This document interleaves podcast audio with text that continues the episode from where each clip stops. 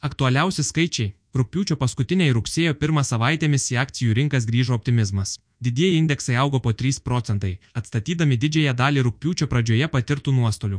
Svarbiausios gyventojams ir verslams šešių mėnesių Euribor palūkanos toliau stabiliai laikosi ties 3,95 procentai. Svarbiausi įvykiai. Nepaisant griežtos ir agresyvios centrinių bankų retorikos, finansų rinkų dalyviai nusiteikia teigiamai ir mano, jog centrinių bankų atstovai blefuoja. Investuotojai tikimybę, kad JAV centrinis bankas rugsėjo 20 dieną padidins palūkanas, vertina vos 7 procentai, todėl palūkanų didinimas JAV būtų šokas, kuris galėtų sukelti tolimesnį akcijų kainų kritimą. Pasaulinėse rinkose taip pat daug neapibrieštumo ateina iš Kinijos. Šalies nekilnojamo turto sektoriaus, kuris sudaro tarp 25 ir 30 procentų valstybės BVP, kolapsas lemia ypač neigiamas gyventojų nuotaikas. Prie neigiamo sentimento prisideda nedarbo lygio augimas. Jaunimo nedarbas Kinijoje viršyje 20 procentų, Europoje vartotojų pasitikėjimo indeksai prasti, tačiau makroekonominiai rodikliai stabilus. Nedarbo lygis eurozonoje rūpjūtį nesikeitė, infliacija taip pat išliko stabili ir siekė 5,3 procentus labiausiai pigo energetika, o brango maistas, alkoholis ir tabakas.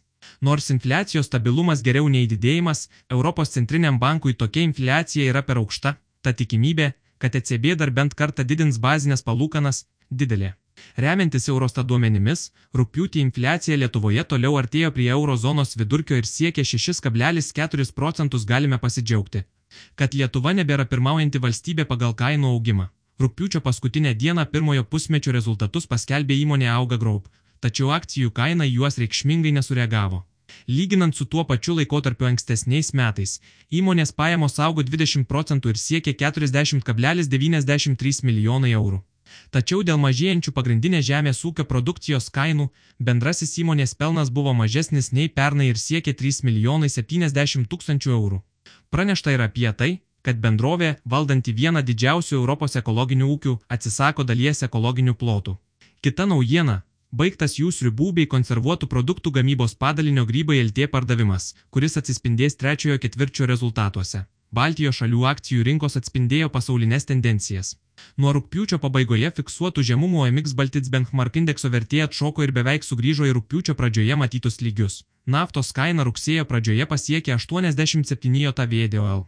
Už barelį paskutinį kartą žaliava tiek kainavo praeitų metų lapkritį. Tokie naftos kainos šuoliai suteikia pagrindą lipnios infliacijos lūkesčiams. Nuo metų pradžios naftos kaina augo daugiau nei 13 procentų.